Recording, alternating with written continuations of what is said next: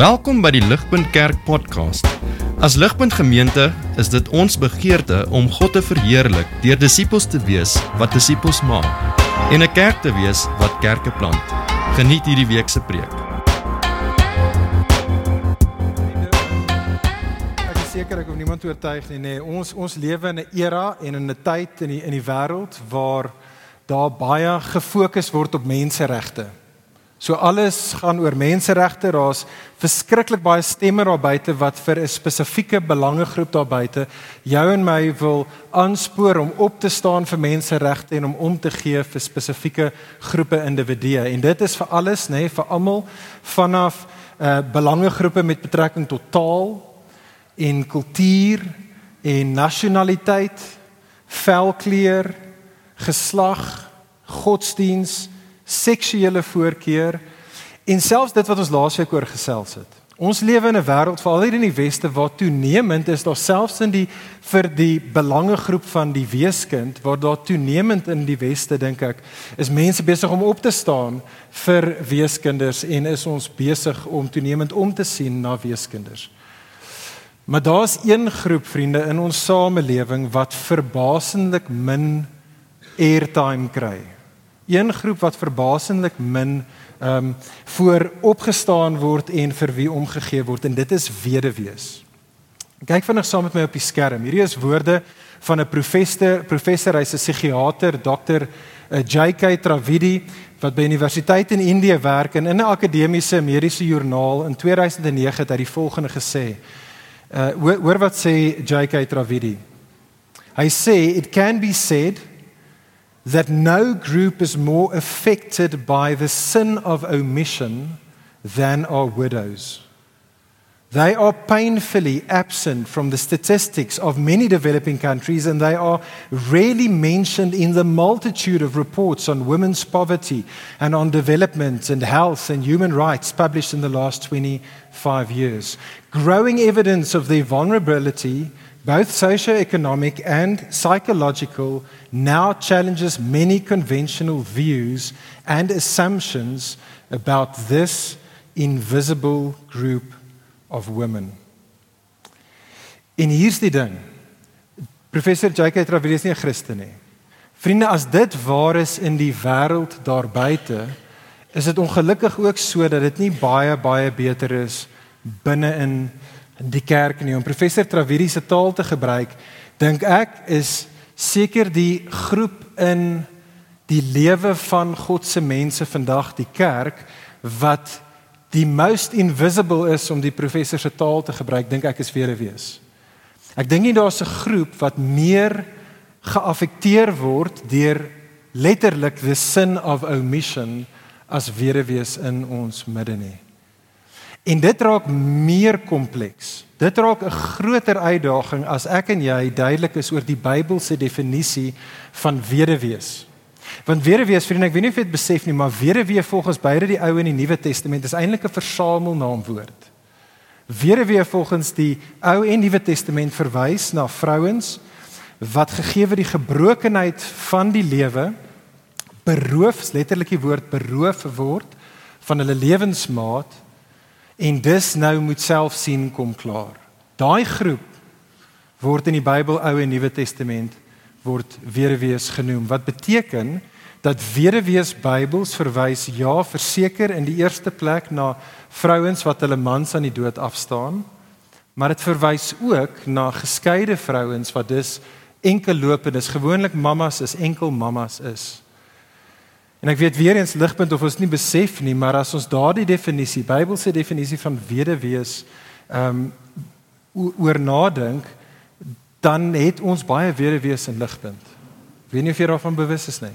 Daar's ten minste, en ek dalk het ek verkeerd getel, maar ten minste 5 weduwees in die sin van dames in ons midde wat hulle man aan die dood af afgestaan het en wat nog steeds enkel lopend op hierdie stadium is.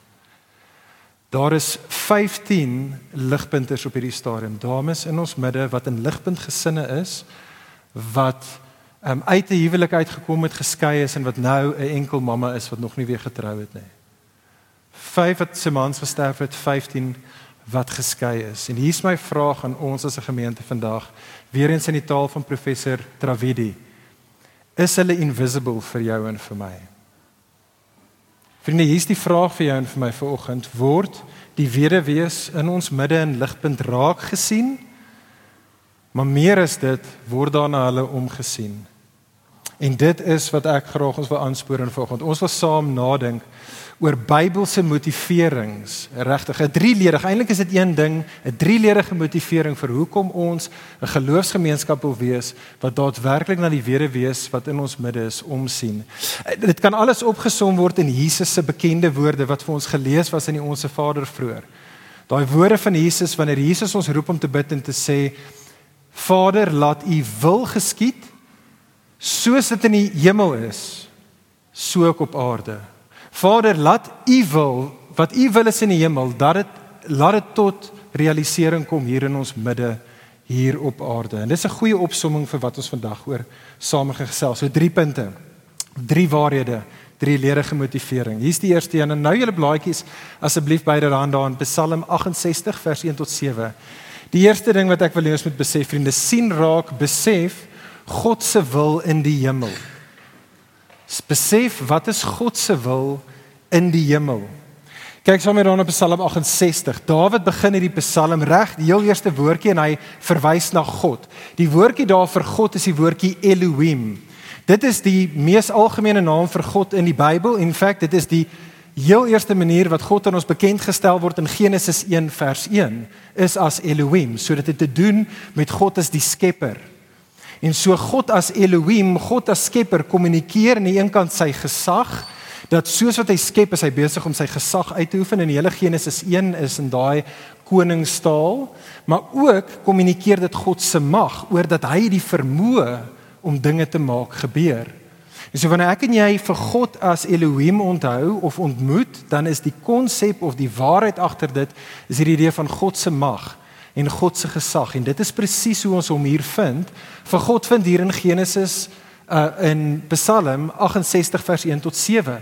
sien jy raak daar is prentjie taal wat Dawid hierso skets. Ek wil hê jy moet die prentjie sien wat hy verf met sy woorde.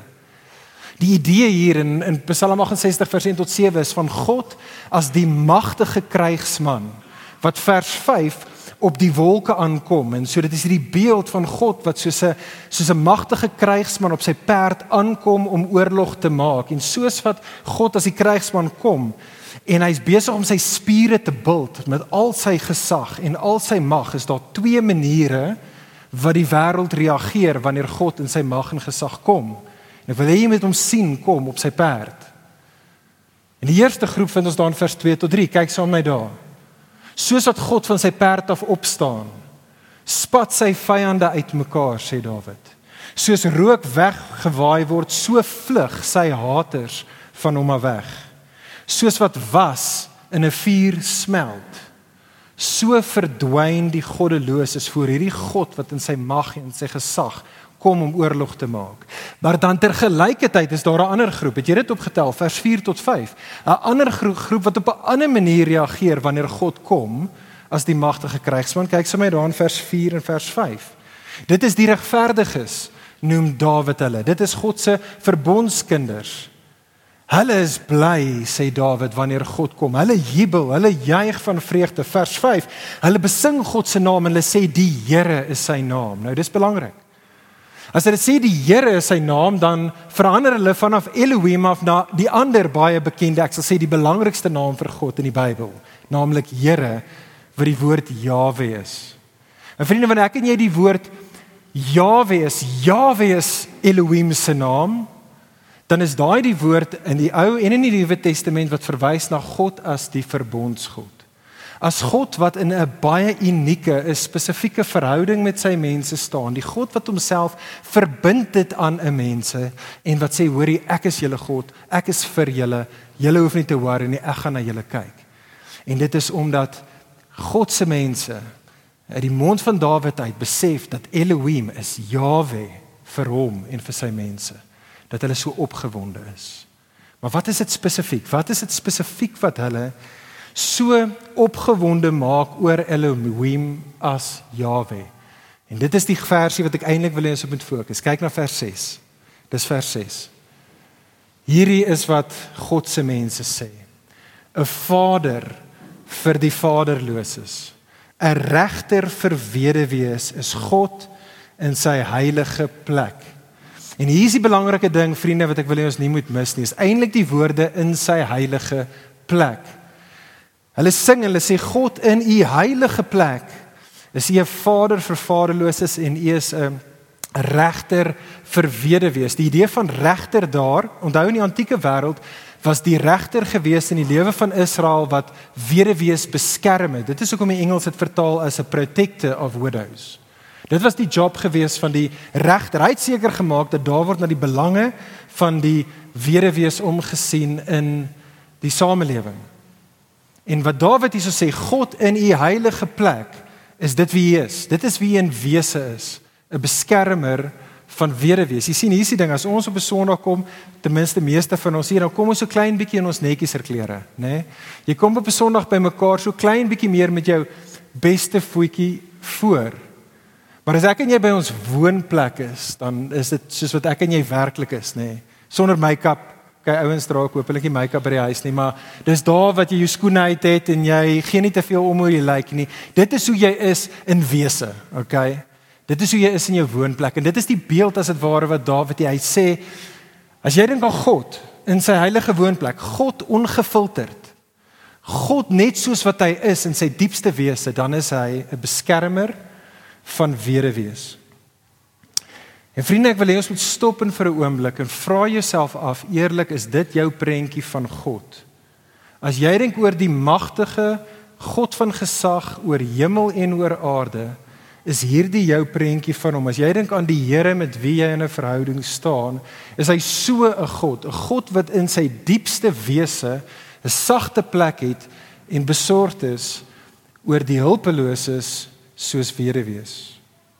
Jy sien ek dink ons lewe in 'n wêreld waar die gesegde inderdaad waar is. Jy weet ons almal ken die gesegde dat absolute power corrupts absolutely. En dit is hoe ons as gefalle mense is. Gee vir ons as mense net genoeg gesag, net genoeg mag en ons misbruik dit. Dit is wat ons nog gedoen het vir millennia.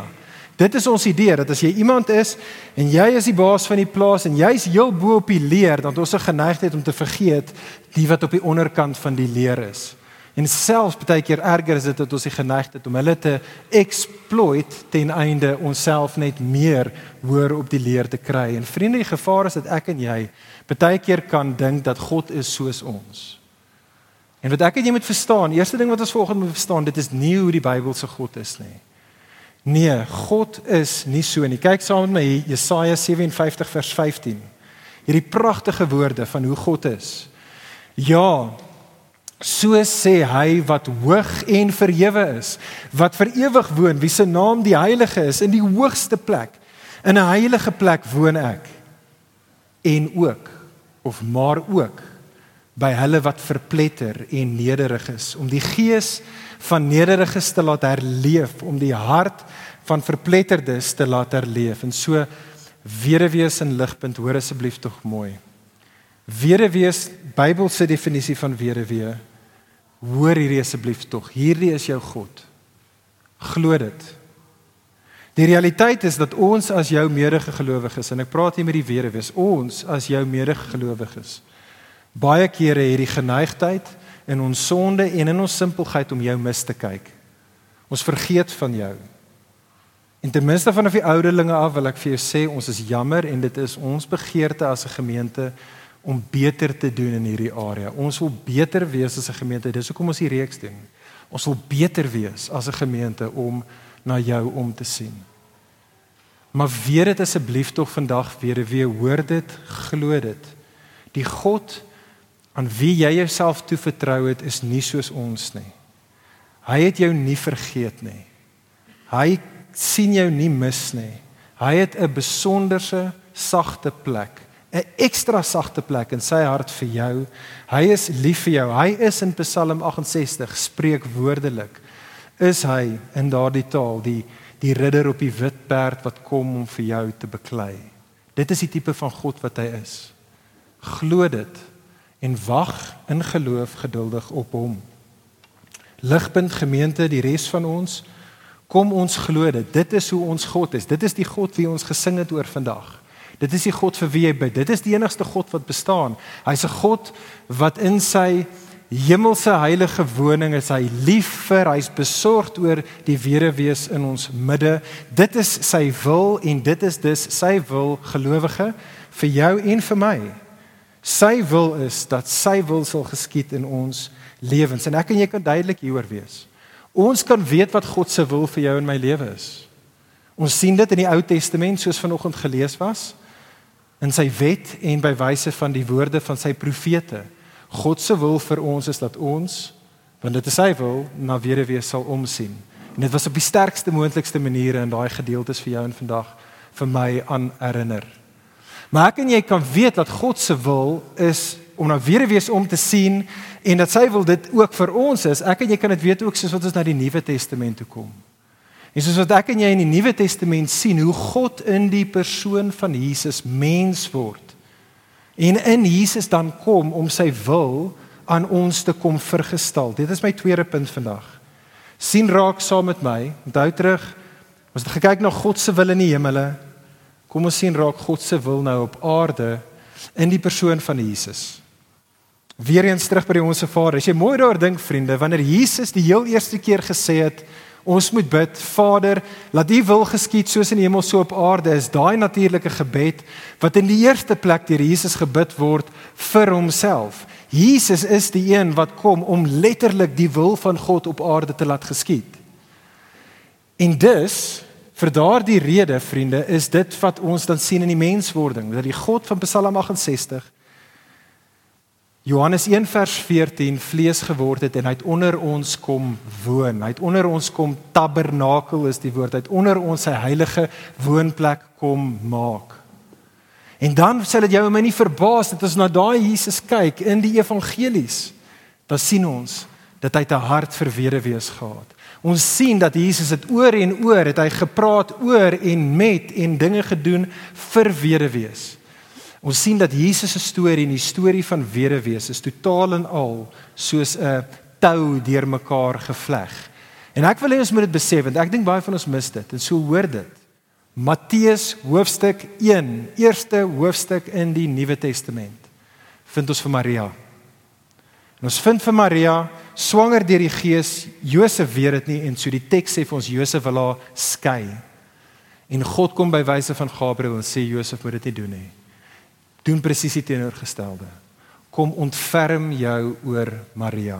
Lukas 2 vers 38. Jesus is 'n klein seun. Hy's by die tempel en ons word vertel van die profetes Anna. En sy profeteer, dis 'n profetes en sy profeteer oor hierdie Jesus en sê hy gaan die verlosser wees en die teks sê Anna die profeet was 'n weduwee gewees. Lukas 4 vers 25 en 26 vermaan Jesus vir die ongeloof van die mense om hom.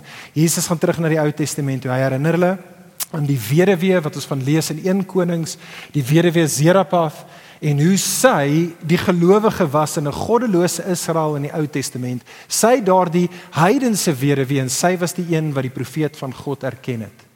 In Lukas 7 vers 1, die heel eerste opstanding uit die dood wat ons het, is die seun van die weduwee in die dorpie Nean. En in Lukas 18 vers 1 wanneer Jesus ons as gelowiges aanspoor om te volhard in geloof, is die voorbeeld wat hy gebruik is 'n weduwee. 'n Weduwee wat moet net aanhou vasbyt en aanhou moet deurdruk en Jesus sê gelowiges wees soos daardie weduwee. Lukas 20 vers 47 gaan Jesus en hy vermaan die fariseërs omdat hulle weduwees uitbuit en versuim om na wederwees om te sien. Lukas 21 vers 1 gaan Jesus en Jesus is by die tempel en hy wys sê hy hy point vir almal wat daar by hom is na 'n wederwee toe. Wat besig is om sy laaste geldjies wat sy het te gee vir God in aanbidding. En Jesus wys na die wederwee toe en hy sê wees so sy. Daai is 'n ware aanbidder. Maar vriende, die mees treffende voorbeeld wat ons het was ons gelees van God se hart, Jesus se hart vir wederwees vind ons in die klimaksale oomblik van Jesus se lewe. Die klimaks van alle realiteit is die kruis. Vriende, stop en dink gou vir 'n oomblik daaroor. Op daardie oomblik waar Jesus op die kruis hang, God die seun hang op die kruis om die oordeel van God te vat, om die duiwel te verslaan, om dit sonde af te reken, om God se mense te red. In daai oomblik van totale fisiese pyn, van totale godverlatenheid, van totaal en alle bespotting, in daardie oomblik is Jesus se ma wat reeds 'n weduwee is deur Josef wat reeds oorlede is en Jesus wat nie meer daar gaan wees nie. Is Jesus se ma die weduwee op die kruis in sy laaste asem op sy hart. En so hy sê daar, kyk saam in die teks, Johannes 19 vers 27. Hy sê: "Vrou, kyk, daar is die seun," soos hy wys na Johannes toe. En hy sê vir Johannes: "Kyk, daar is jou moeder." En dan kom Johannes wat die evangelie skryf en hy maak seker ons mis nie hoe profound hierdie is nie en hy sê en van daardie oomblik af het die disipel, hy self wat Johannes is, het hy vir Maria in sy huis ingeneem. Vriende, stop weer eens reflekteer. Net stop net gou oor hoe absoluut verstommend hierdie sinnetjie is in Johannes 19. As daar ooit in wêreldgeskiedenis 'n tyd was, nê, nee, waar 'n mens pragmatiese probleempies, praktiese probleme kan een kant toe kan skuif om regtig te deel met wat belangrik is, is dit hierdie oomblik op die kruis. En op daardie oomblik waar Jesus kom om met sonde en die Satan af te reken om die oordeel van God te vat en sy mense te red. In daardie oomblik sien ons as Jesus besorgd oor sy ma Maria, die weduwee. Vriende, dit is die tipe van God wat ek en jy aanbid. Onthou Jesus kom en hy vergestalt ware aanbidding. Dit is die tipe van God wat ons aanbid en dit is dan ook hoe ons aanbidding behoort te lyk. Laaste derde punt hier. Kyk sommer op die blaadjie weer. Jakobus 1 vers 27. Ons het gekyk na God se wil in die hemel, toe God se wil op aarde in Jesus. Nou kyk ons na God se wil op aarde in en deur sy kerk. Kom ons lees weer saam Jakobus 1 vers 27. Dit sê Jakobus hierdie is suiwer en onbesmette godsdiens voor ons God en ons Vader om na weeskinders en weduwees om te sien in hulle ellende. Nou as jy laasweekie was, het ons laasweek na dieselfde teks in die gedeelte voor dit in detail gekyk en so gaan nie dit weer sê nie. Alles wat ons laasweek gesien het in Jakobus 1 wat getel het vir weeskinders tel presies op dieselfde manier hier natuurlik ook vir weduwees. Die treffende ding is dat Charles Spurgeon, baie van julle sal van hom al gehoor het, hy was 'n 'n Engelse dominee en 'n kerkleier 'n paar honderd jaar gelede en Charles Spurgeon in sy commentary oor Psalm 68. Spesifiek wanneer hy praat en kommentaar lewer oor Psalm 68 vers 6, dan sê Spurgeon dat hy is van die oortuiging dat die Nuwe Testament vervulling van Psalm 68 vers 6 is Jakobus 1 vers 27. Hier is die rede hoekom. Ek dink hy's reg. Hy sê want jy vind presies dieselfde drie woorde wat jy in Psalm 68 vers 6 het.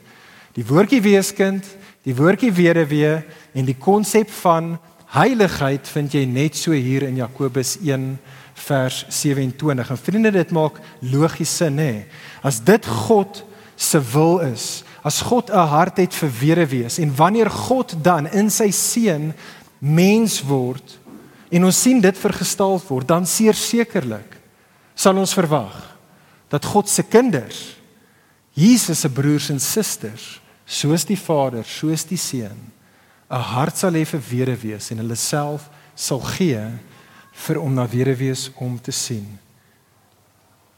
Vriende besef dit asseblief tog elke keer wanneer ek en jy die onsse Vader bid. Elke keer wat ons bid en ons sê Vader laat U wil geskied soos in die hemel, so ook op die aarde. Besef tog asseblief wat jy eintlik bid as jy dit bid is nie God sal jy op een of ander mistiese manier daar ergens ver weg u wil laat geskied op aarde nê. As jy dit bid, is jy besig om te sê God, sal jy dit in die eerste plek in my en deur my doen? Sal jy dat jou wil geskied in my lewe en sal u wil deur my geskied sodat dit in die wêreld kan realiseer. Dit is wat ons bid, vriende. En so hier is wat ek wil hê ons moet doen in ons laaste tydjie saam. Wil ek graag hê ons moet saam dink oor praktiese implikasies van hierdie waarheid wat ons vanaf die Ou Testament af tot die Nuwe Testament sien oor ons verantwoordelikheid om na weerwees om te sien En ek wil graag hê dat ons oor die praktiese implikasies met saamdink baie soos laasweek aan die hand van hierdie opskrif wat ons ook laasweek gehad het en dit is die idee van elkeen kan iets doen. Want ek wil ons weer eens uitnooi en sê ligpunter elkeen van ons kan en elkeen van ons moet iets doen om na die wees die die were wees in ons midde om te sien. En vandag wil ek vir ons vyf praktiese implikasies van dit uitwys en dit sal hier op die skerm op die bord wees. Vyf maniere wat ons kan omsien na die were wees in ons midde. Die eerste ding is dit. Vriende, kom ons ondersoek ons eie harte ten opsigte van were wees. Kom ons ondersoek ons harte. Dis die eerste ding wat ons moet doen. En hier wil ek spesifiek fokus op die enkel mammas in ons midde wat ehm um, uit egskeidings uitkom. As jy by ligpunt al verwyle, sal jy weet dat by ligpunt het ons 'n onsaglike hoë premie op die huwelik. Ons beklei vir huwelike by ligpunt, ons beklei teen egskeiding. En dit gaan altyd so bly. Dit gaan nie verander nie. Ons gaan dit altyd doen. Maar ek dink een van die verkeerde gevolge daarvan is dat partykeer in 'n kerk soos Ligpunt wat 'n baie hoë premie op die huwelik het, wanneer daar dan geskeides in ons midde is, veral want dit is 9 uit 10 keer geskeide vrouens in ons midde, dan weet ons as 'n kerk nie altyd lekker presies hoe om hulle te bemoedig en hoe om hulle te betrek in ons geloofsgemeenskap nie. Hier is hier is iets wat ek gehoor het wat een van die enkel mammas in ons midde al gesê het. En hierdie was nie 'n rant nie, sy was nie kwaad nie. Hierdie hierdie was eintlik met trane in haar oë gesê. Sy het gesê sy weet dit is nie waar nie. Maar op tye voel dit vir haar asof dit beter sou wees as sy haar man aan die dood afgestaan het. Eerder dat sy deur 'n egskeiding gegaan het. Want ten minste in die begin as iemand se man aan die dood afgestaan het, dan kom ons om daardie persoon ons en ons omvou hulle in emosie en in praktiese maniere maar dit voel nie vir haar heeltemal of dit op presies dieselfde manier gebeur vir haar die weduwee die enkel mamma wat geskei was nie En ligpunt so mag dit nie wees nie. So mag dit nie wees nie. Ons het nodig om ons harte te ondersoek. Ons het nodig om seker te maak dat ons hart is meer soos God se hart en nie soos die harte van die van die fariseërs nie. Ons het nodig om te besef dat nie altyd nie, maar baie kere is die enkel mammas wat uit egskeidings kom in ons midde die slagoffers gewees in hulle huwelike wat gemaak het dat daai huwelik verbrokel het.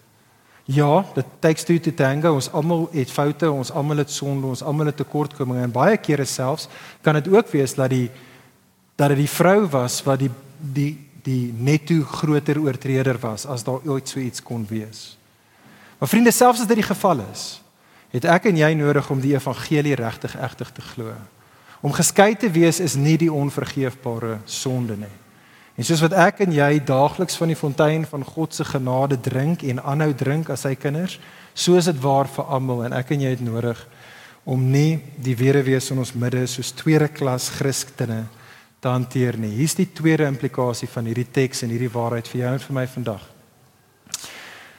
Kom ons wees sensitief teenoor werewees, bedoelende stadig met advies en vinnig met gebed. Weer eens wat ek al gehoor het vanaf weer wees in ons midde is dat en hulle weer eens sê dit op 'n mooi manier. Hulle weet dat die gemeente bedoel goed en dit hierdie goeie speel gewoonlik in die konteks van ons ligpunt gesinne uit. Hulle weet dat hulle ligpunt gesin bedoel goed, maar dit voel nie altyd asof hulle ligpunt gesin sensitief is vir die kompleksiteit van hulle lewensomstandighede nie en vir wat hulle kapasiteit is nie. So die ligpunt gesin maak 'n klomp reëlings oor wanneer ons gaan ontmoet en hoe ons gaan ontmoet, maar hulle dink hier daaraan, hoorie, is 'n enkel mamma wat nou na die kinders moet kyk en wat wat hierdie hierdie goeders moet betaal nie. En so hulle vra net vir sensitiwiteit. Hulle soek nie 'n pity party nie. In feite hulle wil juis voel net soos normale gelowiges in die geloofsgemeenskap. Maar vriende, ek dink hier is iets wat ons kan doen. Ons kan ekstra sensitief wees. En onthou hierdie beginsel wanneer ook al dit kom by verhoudings en dit is waar veral in disippelskap, die beginsel vriende is as ek en jy nie self letterlik in iemand anders se skoene staan en presies dieselfde paadjie as hulle gestap het nie, dan beteken dit is altyd net veiliger om stadig te wees met advies vir hoe jy wat jy moet doen en eerder bietjie stiller te wees en daai stilte te gebruik om meer te bid om meer te bid vir die weduwee, meer te bid saam met die weduwee. Ons het nie die antwoorde vir die kompleksiteit vir baie van die implikasies van om 'n enkel mamma te wees nie. Maar ons kan bid. Romeine 12 vers 15 treur met die wat treur. Derde ding wat ons kan doen is kom ons wees familie vir die weduwee. Kom ons wees familie. Dit is treffend dat in die langste teksgedeelte in die Nuwe Testament wat handel oor hoe om na weduwees om te sien, 1 Timoteus 5 begin 1 Timoteus 5 vers 1 met hierdie prentjie van die kerk as familie. En dit sê ons is uh vaders en moeders en broers en susters van mekaar. En die punt daar wat Paulus gebruik, jy sê hy praat oor die omsien van weduwees, is om te sê onthou dit ligpunt. Hierdie is die manier wat ons omsien na weduwees. Dis nie 'n projek wat jy try fix nie. Dis 'n verhouding, dis familie met wie jy 'n stadige ja messie maar 'n stadige pad bly saam stap. Op 'n praktiese manier, weer eens wat ek al baie gehoor het van van 'n wederwees in ons midde is baie keer dan sê hulle, hoorie, ek het net soveel behoeftes wat die leemte van 'n man by die huis waar haar kinders is gelos het. En dit sou vir my wonderlik wees as as iemand net kan kom en kom kan kom beheer neem elke nou en dan om kom help met goed.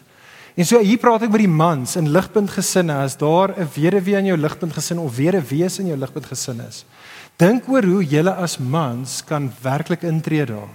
Dink oor maniere hoe julle kan sê hoor die periodes, twee keer 'n jaar of drie keer drie keer 'n jaar gaan ons as manne opraak op 'n Saterdag daar by die huis en ons gaan ligte vervang, swembad skoonmaak, oliefilters vervang en en en ons gaan net help.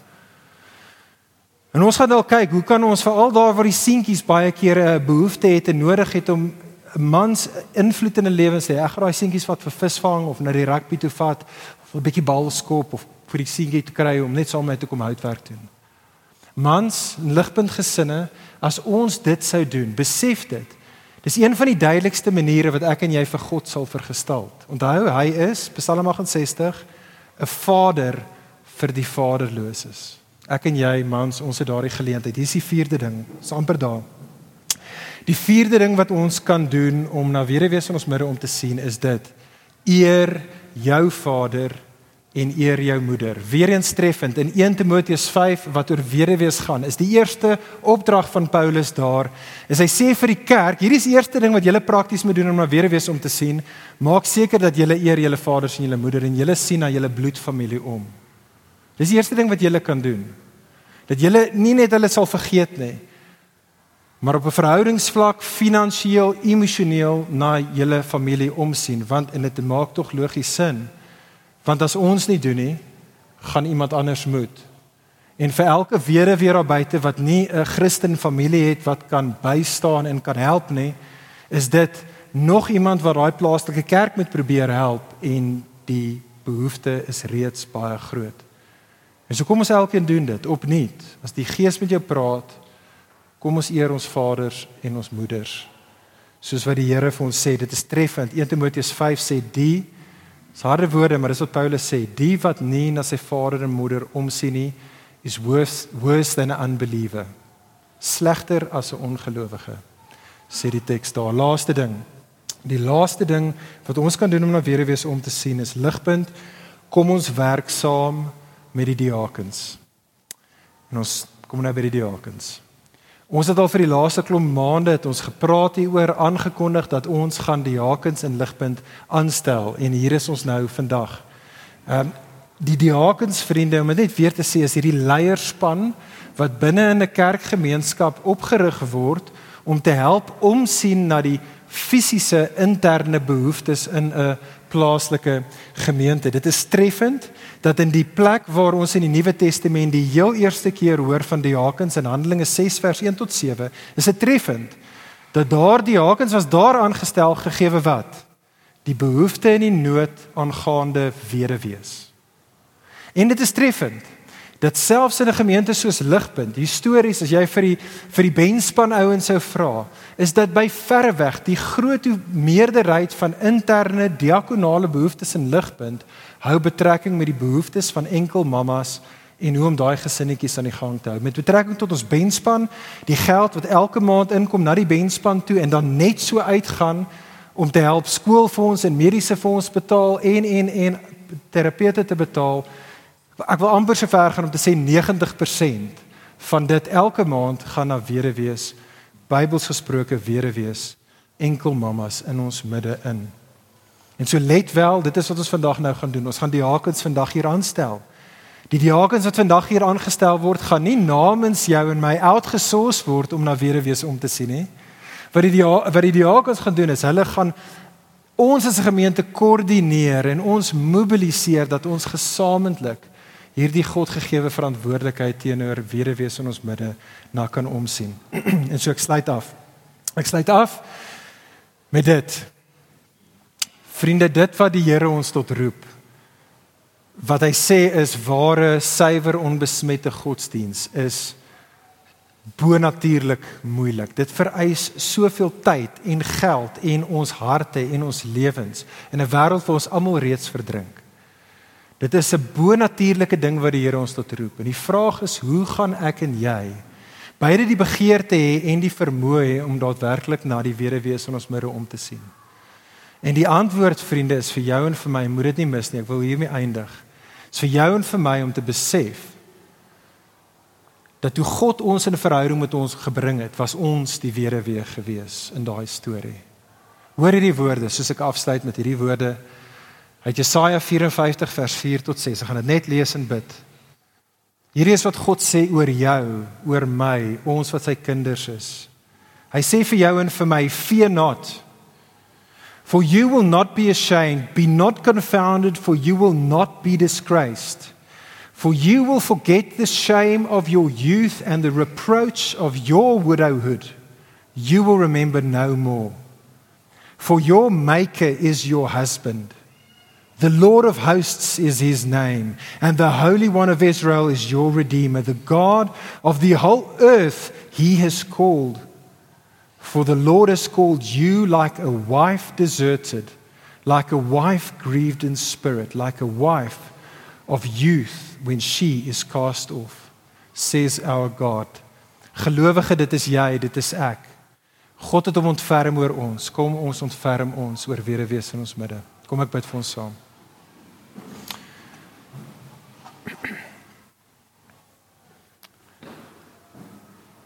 Hemelse Vader ons loof en ons prys U dat U wat gesag en mag het U wat die koning oor alles is, is 'n God wat hier op die grond met ons wat verpletter is. Het U 'n belang.